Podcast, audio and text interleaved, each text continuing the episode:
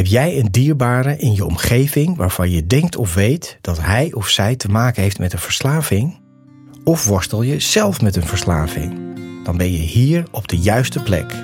Mijn naam is René van Kolm en na 30 jaar verslaving ben ik clean en in herstel vanaf 2010 en werk ik sinds 2015 als familiecounselor. Dit houdt in dat ik die mensen in de directe omgeving van iemand met een verslaving help. Want als je dicht bij iemand staat die verslaafd is, is het echt belangrijk dat je weet wat je wel en beter niet kan doen. In deze podcast, in samenwerking met Lev Magazine, neem ik je mee in de wereld van verslaving en de verslaafde. En leer ik je met mijn kennis en ervaring hoe jij hiermee om kan gaan, wat herstel is en wat je kan doen om jouw dierbaren te helpen en zelf overeind te blijven.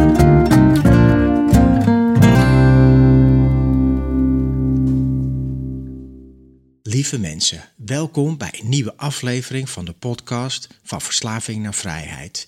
Mijn naam is René van Kolm en super fijn dat je kijkt en luistert naar deze podcast.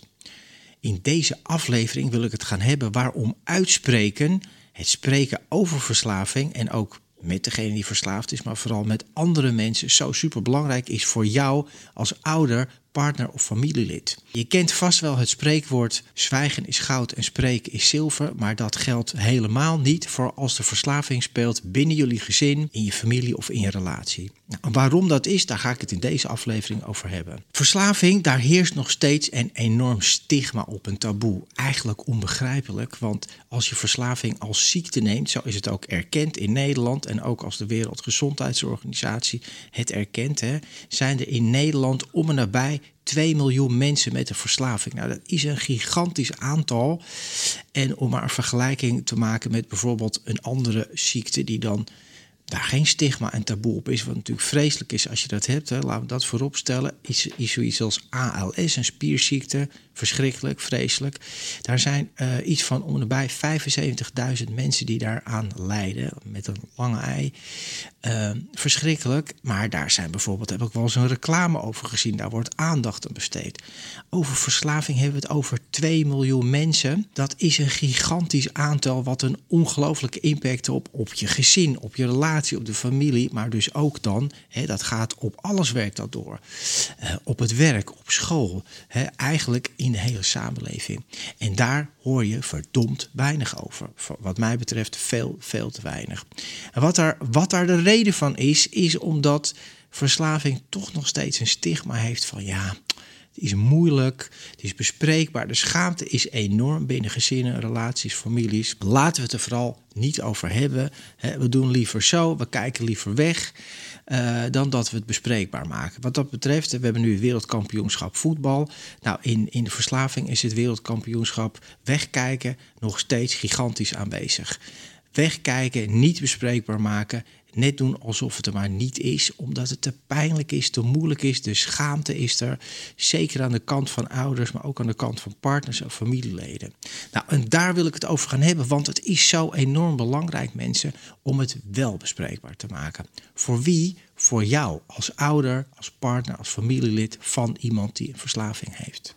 Nou, wat er heel veel gebeurt, wat ik hoor van mensen die ik ontvang, in privé of in mijn eh, GGZ-kliniek waar ik werk, die is niet van mij, maar daar werk ik wel, is dat ze dan bijvoorbeeld zeggen: Nou, mijn kind zit dan nu in de kliniek. Dan vraag ik wel eens, nou praat je daar wel eens over met iemand of weet de omgeving dat?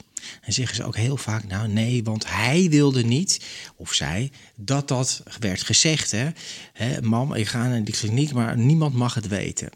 Dat begrijp ik ook, want nee, je steekt niet de vlag uit hè, zoals iemand als je kind zijn diploma heeft uh, gehaald, dat je de vlag uithangt voor de deur van hij heeft zijn diploma gehaald. Wat een groot feest. Dan hangen ook niet de vlag uit als ze naar een kliniek gaan en dat begrijp ik. Maar het is ook in dit geval weer nog steeds dat degene met de verslaving vaak de regels bepaalt. En dat is nou juist wat niet gezond is en wat niet werkt. En dat ouders, partners en familieleden zich daarin schikken. Ik begrijp ook wel dat je niet naar je buurman stapt van ja, hoe gaat het buurman? Nou, prima. Ja, mijn kind gaat vandaag naar de kliniek. Nee, is hartstikke verslaafd en uh, zit 15 uur per dag te gamen. En als ik wat tegen hem zeg, dan word ik helemaal verrot gescholden.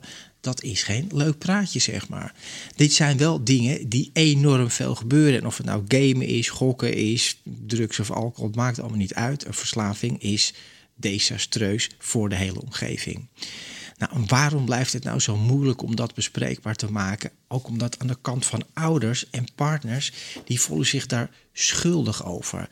dat is toch, zeker als we het hebben over de ouders, dat is eigenlijk de groep die ik het ook het meeste zie. Dan is het toch van als jouw kind verslaafd is, dan zal jij wel iets verkeerd hebben gedaan. Dus die verantwoordelijkheid die daarin gevoeld wordt, is ook heel groot.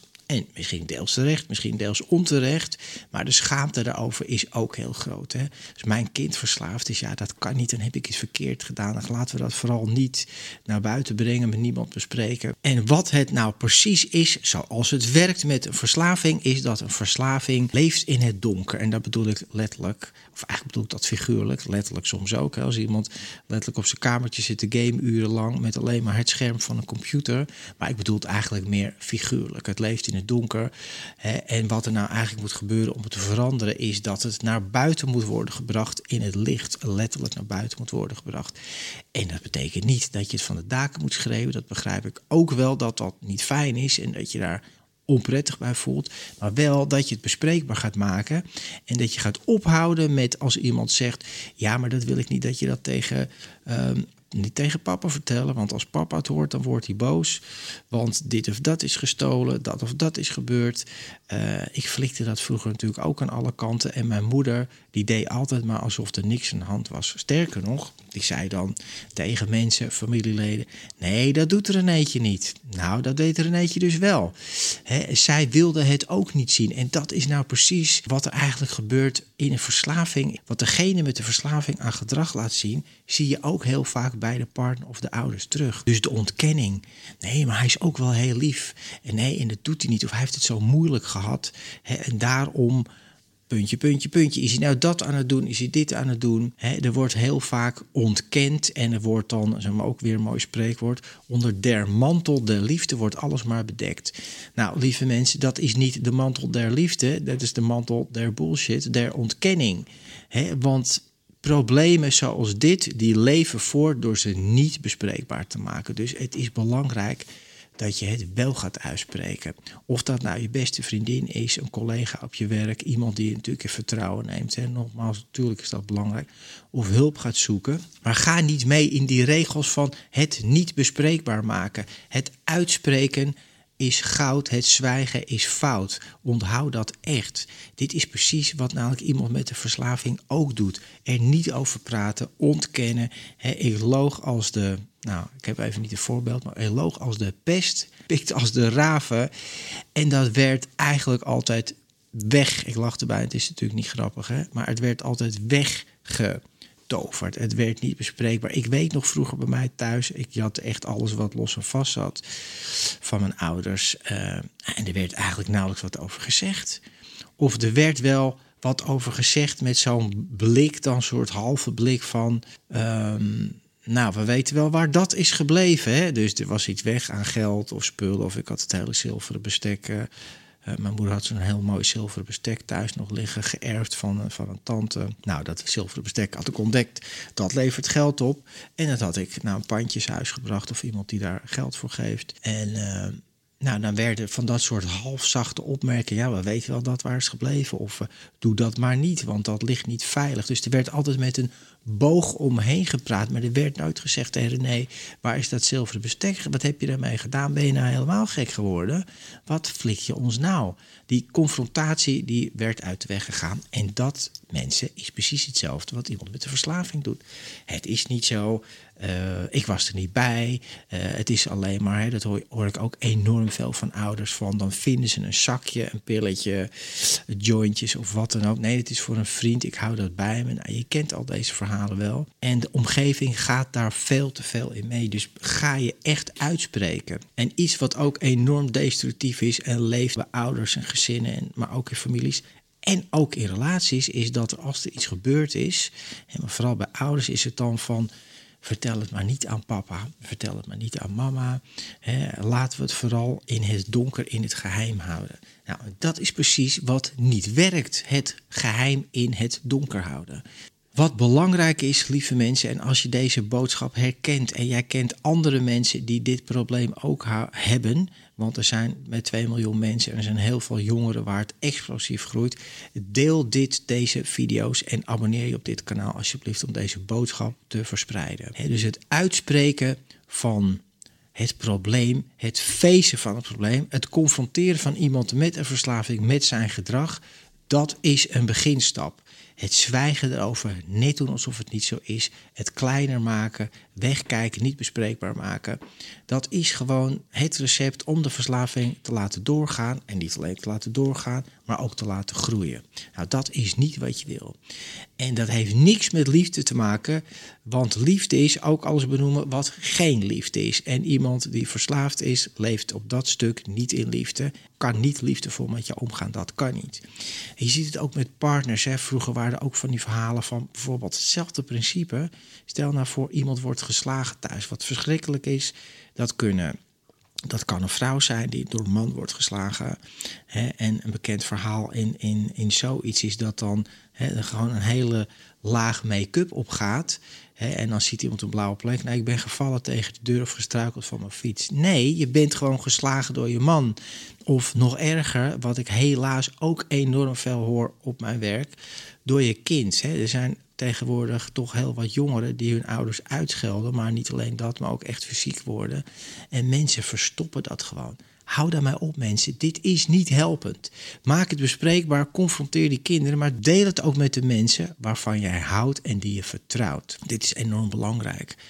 verslaving is iets wat in het geheim doorgaat en wat voor jullie belangrijk is, dat je het bespreekbaar gaat maken. Dus onthoud, zwijgen is fout en spreken uitspreken is goud.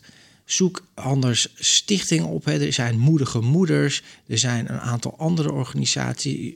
Laat je verhalen achter onder deze video, onder commentaren. Ik reageer altijd op dingen. Ik wil jullie graag ermee helpen. Maar deel het. En ga die schaamte voorbij, mensen. Het wordt echt tijd, anno 2022, bijna 2023, dat we hiermee gaan stoppen of net doen of dit probleem er niet is. Het is gigantisch en het groeit en er komt nog veel meer ellende van.